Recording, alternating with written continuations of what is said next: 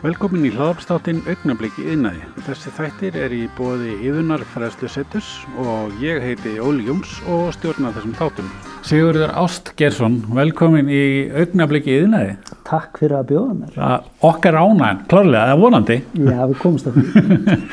Herru, þú ert framgættastjóri Ísorku. Já, Já, segðu nokkur aðeins, hvað er Ísorka bara svona til að byrja með? já, Ísorka er í rauninu má segja fyrirtæki sem að sérhafi sig í öllu sem tengir slæðislu rafbíla.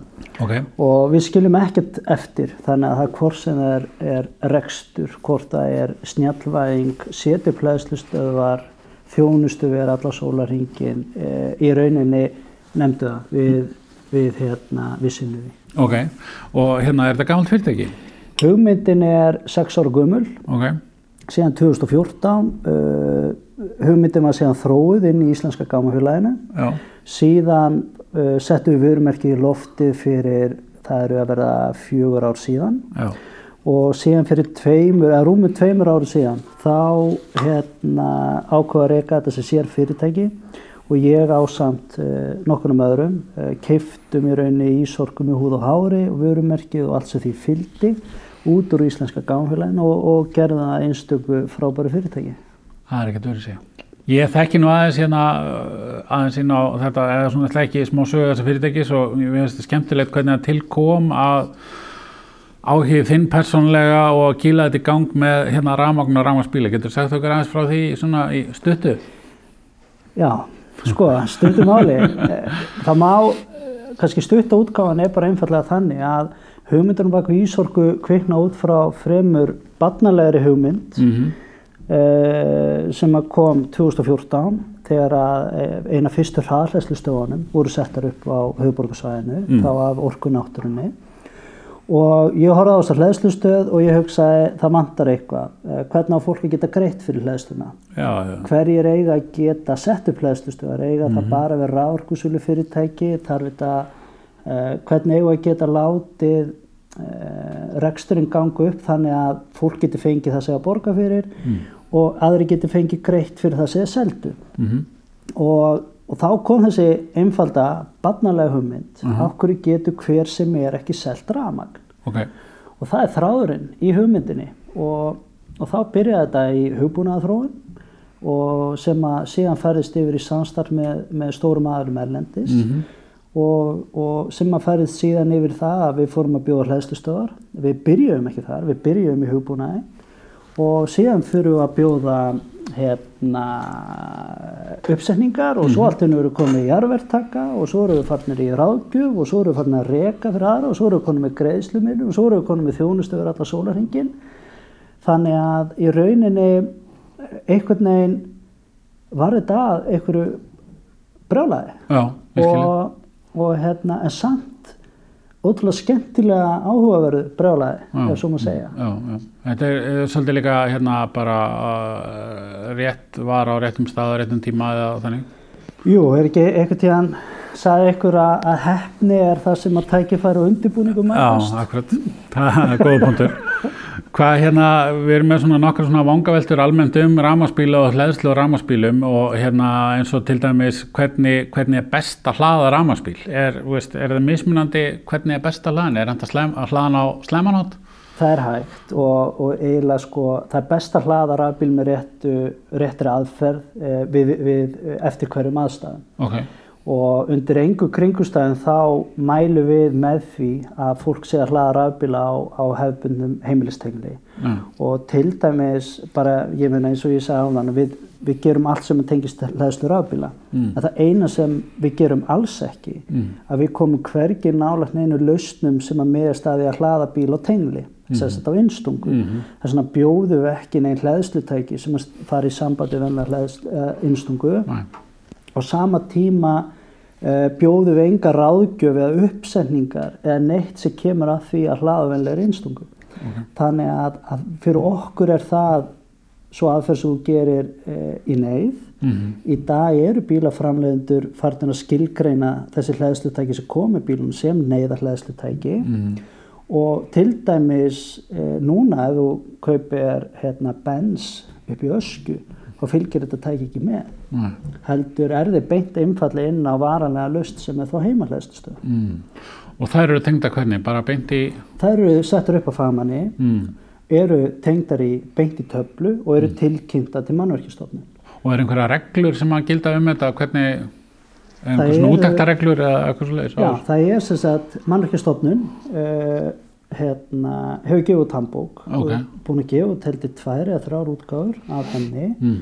Og þar er þetta alveg vel skýrt hvernig á að haga sér í þessu og, og bæði hvað varbúnar á að nota og hvað varbúnar á ekki að nota og, og hérna Hvað var búin að þér? það er öryggi Já, í töflu ok, já. og að hlæðslustöð sé tengd beint inn í töflu og til dæmis það sem er, er svona ágætt að benda á að, að í venjulegu húsi, ég ætla að reyna að vera ekki á tæknilegur, Mhm. en, en ég veit það nú einhverju sem hlusta sem eru kannski tæknithengandi Já, já, klálega. að í venjulegu húsi er eitt leikaliði fyrir allt húsið Ok, og samkvæmt kröfum mannveikjastofnunar þá á hver tengipunktu bifræðar að vera varið með eigin leikalega. Þannig að í rauninni þegar þú stingur rafbíli í venjulega innstungu inn í bílskur hjá þér þá er svo innstunga inn á sama leikalega á húsinu. Eða. Já, já, já. Og þar alveg endi bara við það að stinga bíl í innstungu í heimahúsi án þess að, að leggja sérstaklega fyrir henni og verja henni sérstaklega, þá er það að í skjön við kröfur eh, mannverkjastofnunar. Ok, Og þá höfum við segja suma vera að kalla til rávirkja, uh, leggja sérstaklega fyrir sér innstungu og uppfylla þessar kröfur, en vinnan við það er, er nákvæmlega svo sama og að setja upp heimilhæðslustöð. Þannig að við svona beinum fólki svolítið inn á að, að flestir sem eru að fá sér hreinarafbíl eða plug-in hybrid bíl að það er mjög litla líkur að þau fari tilbaka. já.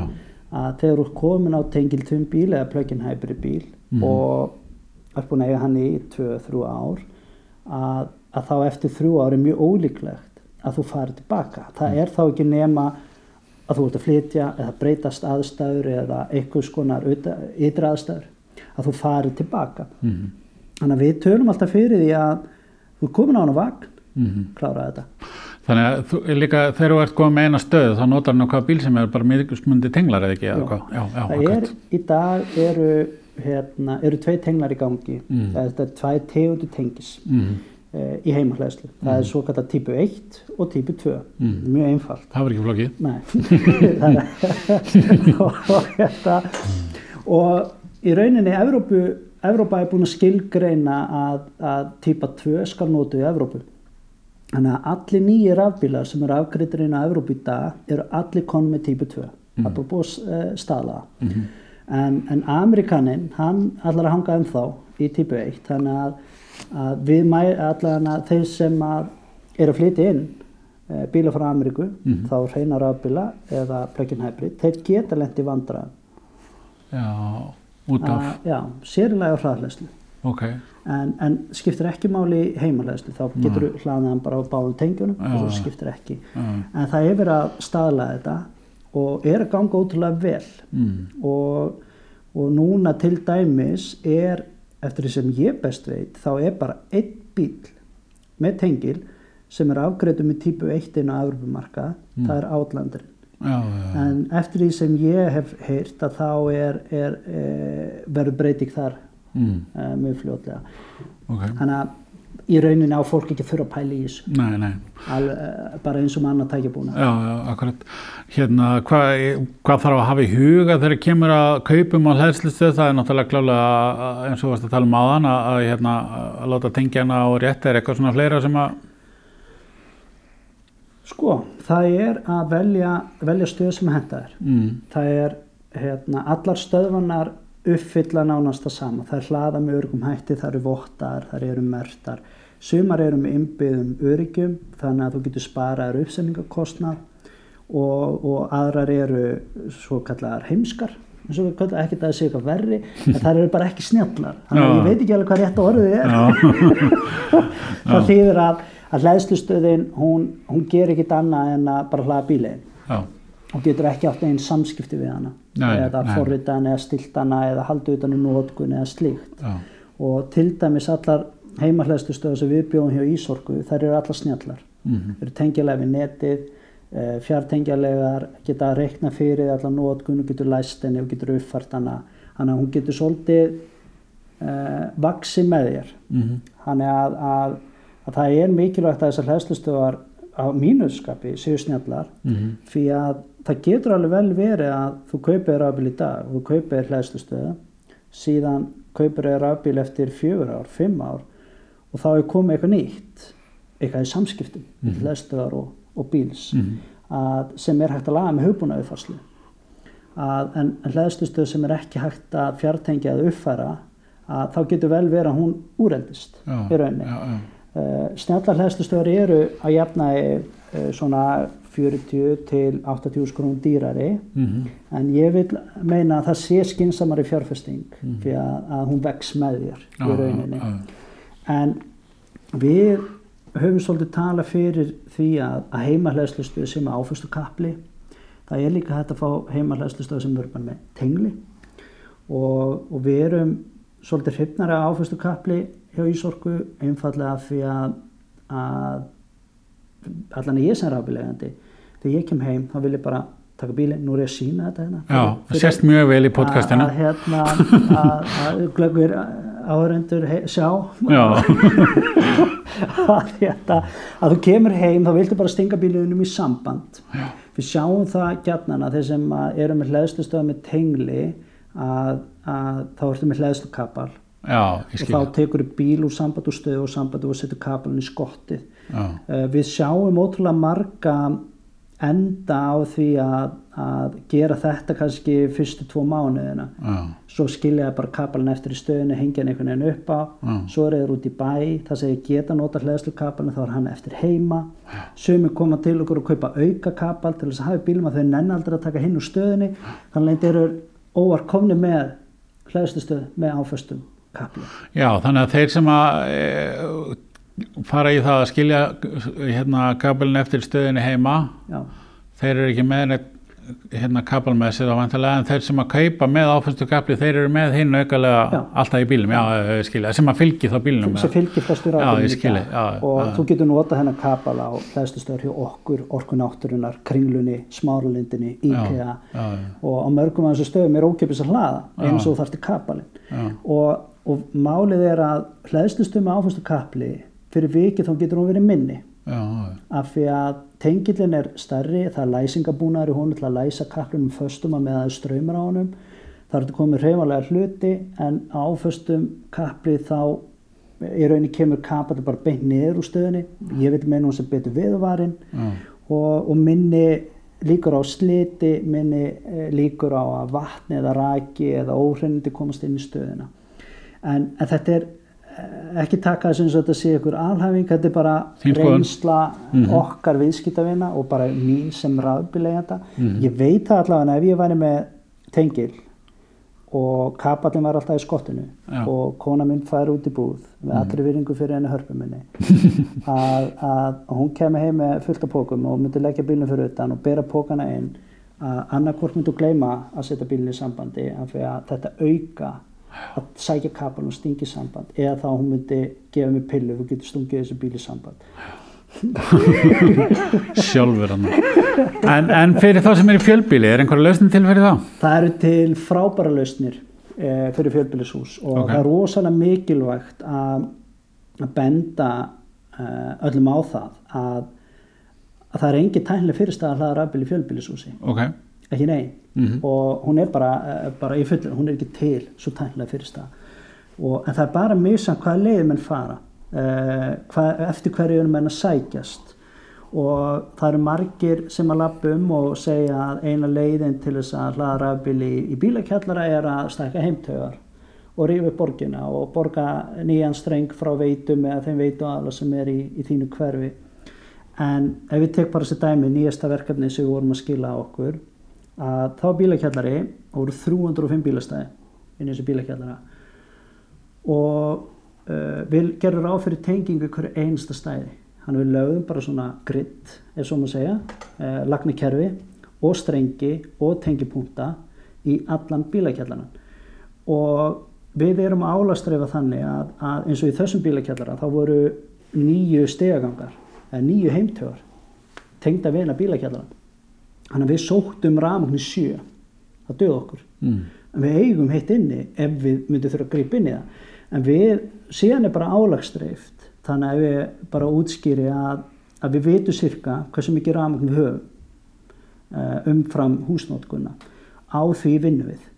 Síðan ef það kemur í, ljós eftir kannski eitt ár, tvö ár þá er eitthvað sem ringir, herri það eru komið svo margir bílar hérna, við erum ekki ná að fulla að þá um, uh, yfir nóttina það sem við gerum þá, þá setjum við græju á það, þá stopna sem við erum að vinna á sem að rauntíma les stopnin húsið Mm. og þá liftum við bara álastreiningunni þannig að, að við veitum hversu mikið má setja hlæðslustöfunum, hver flutningslegin er að þeim og við veitum hversu stór heimtögin er í húsinu og við vinnum bara á því. Þannig að þegar að húsið, eh, svo maður segja, sopnar, Mm. eh, kannski eftir klukkan 11, segjum að þetta sé hús með 200 amper heimtög, þá getum við gert ráð fyrir að við eigum bara þarna 150 amper bara inn á hlæðslustöfunar. Og við þurfum ekki að gera neina breytingar á lögnum. Þetta er bara aukabúnaðan sem við bætum við. Og þetta er ekki eitthvað svona já, þetta er að koma í framtíðinni. Þetta er komið, við getum gert það í dag. Þannig að, en við erum núna í hvað, 60 fjölbýlisúsum hérna höfuborgarsæðinu með lausnir.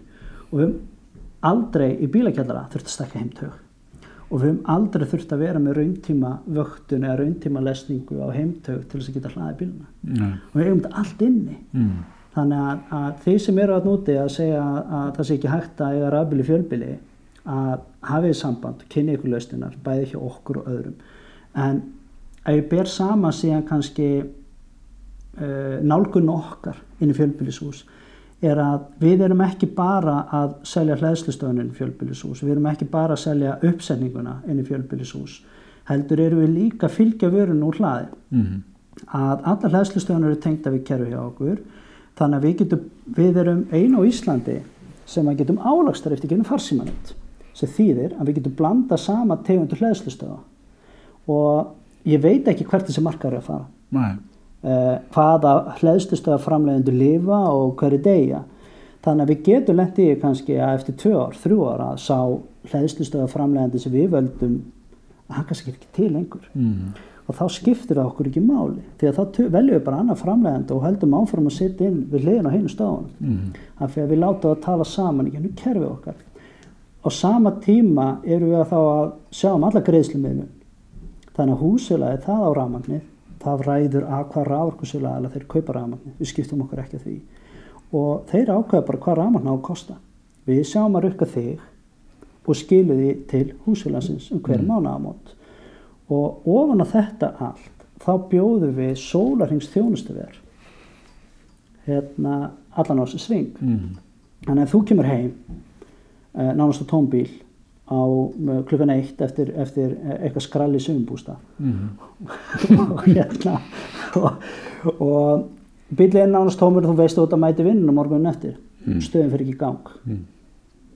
og ef ég sletti að þá veit ég að rafbílegandi hann hefur 0 tolerance Mhm. fyrir þessu Mm. af því að hann þarf bara að, að, komast úr daginn e, á morgun Mm.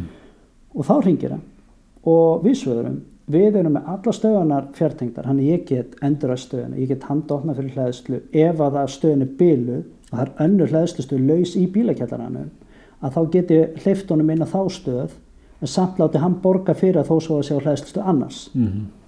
þannig að við getum alltaf bröðist við Já. e, í þessu öllu og í dag erum við inn í fjölbýlishúsum erum við að hlaða að meðatæli við erum konur upp í núna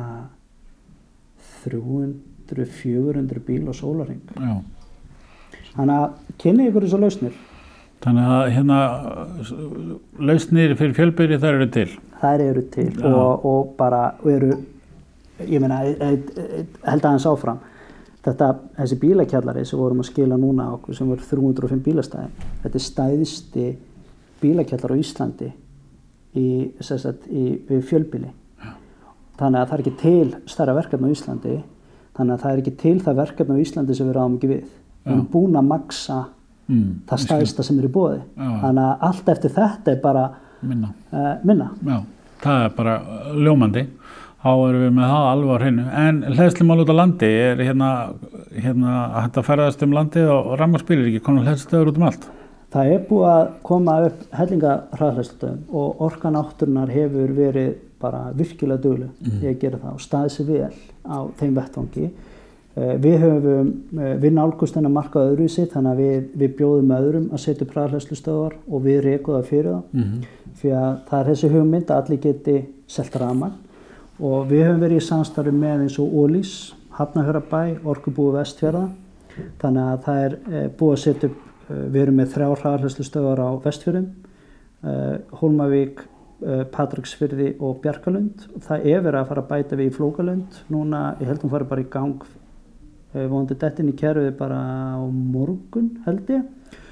Uh, síðan eru við með hérna höfuborgarsvæðinu uh, hjá Ólís, Álfumum og í Hafnafyrði. Síðan eru við á höfni Hotnafyrði, uh, við erum á Siglufyrði og við erum að fara að setja upp stöð núna í lók mæ á Reyðafyrði og í samstæðum Ólís. Mm en, en orkan átturinn hefur svona, þeir, þeir lókuður hringnum mm -hmm. og, og það er alveg, það er, það er leikandi hægt að, að, að ferðast mm -hmm. uh, um landi. Ég gæti samt alveg trúa því að bara svo ég, ég sé nú ekki að, að plata neitt eða, eða, eða sigurhúða hlutina að kannski á þingstu ferðahelgum núna sömar mm -hmm. og ég tala ekki um það eru fára ferðalendis mhm. að þeir rafbilegendur sem alltaf ferðast á rafbinu sínum ég ég legg til að þeir, þeir síni kannski smá umbyrlindu þólumæði uh, eh, á þeim hlæðslustöðum sem þeir koma að því að það má búast við í ákveðnum áluspunktum að þeir þurfa að býða mm -hmm. þannig að ég mæli með því að, að eh, fólk kynni sér vel inn í appi bæði hjá Ísorg og hjá Orkun átturinn og, og, og kanni vel að hlæðslustöðum sér laus og og bara njóti ferðalagsins. Við búum á eigu, við erum ekki að fara neitt. Nei, það er ljóst. En, en kostnæðurinn við að hlaða svona bíl, hvað sem ég segi heimalöðsli eða hræðalöðsli Ég tek bara bíli minnsidæmi ég er mm. á Volkswagen e-Golf bíl sem er með 190 cirka svona kilometrar raundrækni ég keiri 45.000 ári. Meðalagstu fólksbíls er, er svona frá 15 til 18 mm Þannig að ég, ég gerir daglega Selfos Reykjavík og eh, ef ég tek bara með að bílið minn hann er eigða svona einhverjum 18, 17 til 19 kílóstundum á hundraði og ef ég hliðan heima og ég hlið 20 kílóstundum sem að gefum okkur að gefa mér 100 kílómetra að ef ég hliðan heima þá er ég að kaupa ramagnið á svona 15 til 17 krónur. Það er bara misan hver fólk er að að vestla rafmagnu og ákvaða hjá hvaða veitu aðala þeir eru en ef, ef ég tek bara hlaða 20 kílóstundum heima ja. það er að kosta mér svona 340 krónur Já, og, fer, og, og ferð 100 km það gefur mér 100 km okay. en ef ég fer eins og hraðhleðslu mm. að þar til dæmis ég tek bara verskrána hjá Ólís þeir eru með svo kallar 20-20 verskrá það þýðir að þú borgar 20 krónur fyrir kílóstundina og þú borgar 20 krónur fyrir mínútuna sem þú ert tengdur okay. svo hlaða bílanum misaflega hratt og allt það. Minn bíl hann hliður á meðatali svona 40 kilóstundir á klukkutíma á hraðarhæslu og hraðarhæslustöðin kann að, að skaffa 50 þannig að bílinn minn í rauninni er, er flöskuháls, ekki stöðin. Já. og ef ég hliði í, í 30 mínútur á, á svoleiðstöð þá kannski er ég að taka cirka 20 kilóstundir og ef ég borga 20 krónur fyrir kílóstundunum sem ég tók þá er það 400 krónur og fyrir 30 mínútur þá er það 30 sem er 20 krónur þá er það 600 fyrir mínútu gjaldi mm. þannig að hlaða 20 kílóstundu fyrir 100 kílómetra er svona cirka 1000 kall. Já, á hraðlæslu og en það er alls konar sem getur spilað inn að ef batterið er ískallt þá hliður hann hægar. Ef batterið er sjóðheitt þá hliður hann hægar. Ef hann er, er nánast alveg tómur þá hliður hann hægar. Eða rúkislega kallt úti þá hliður hann hægar.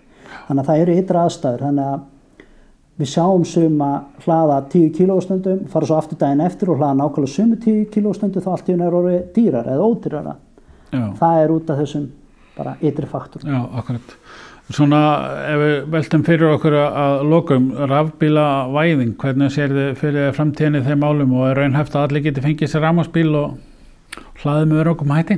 Já, ef við tökum bara, ég held að hann Bjarni Már, fyrirhandi fórstur orku náttúrunar, hann held eh, kynningu, ég held að verið 2016 þá spáði hann að árið 2026 myndi við vera með um 20.000 rafbíla, þess að bíla með tengli á, í Reykjavík.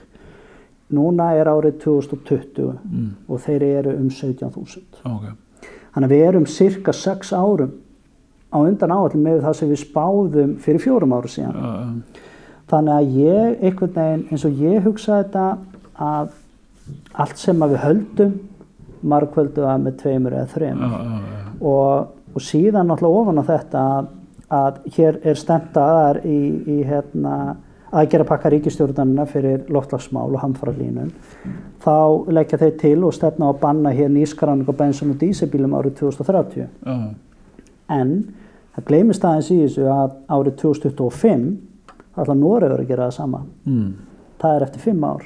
Uh, þannig að þeir bílaframlegendur sem ætla sér að selja bíla til Noregs eftir fimm ár þeir þurfa að fara að gera sig í brók. Mm, þannig að ég held að, að þó svo þetta markmið sér frábært að banna hér nýskranning og bensin og dísilbílum í fólksbílaflokki 2030 þá hef ég þá tilfinningu að það munum alltaf reyna á það nei, markaðurinn verið búin að svara því. Uh, það verður bara og ágriðt. Og ef við tökum bara nýskráningar á nýjum bílum í dag, fyrstu þrjá mánu árinu, jú, Tesla dældi hérna skipi og bara gámum af bílum, en, en á sama tíma hæðist á endurníðin hjá bílalegum, Mm, en eh, ég minnir að sölu hlutfall rafbíla, eh, umhverfisatna bíla á móti bensin og dísilbíla fyrstu þrjá mánu árinu, þá held ég að það hefur verið 60% bíla voru ram. já, ok.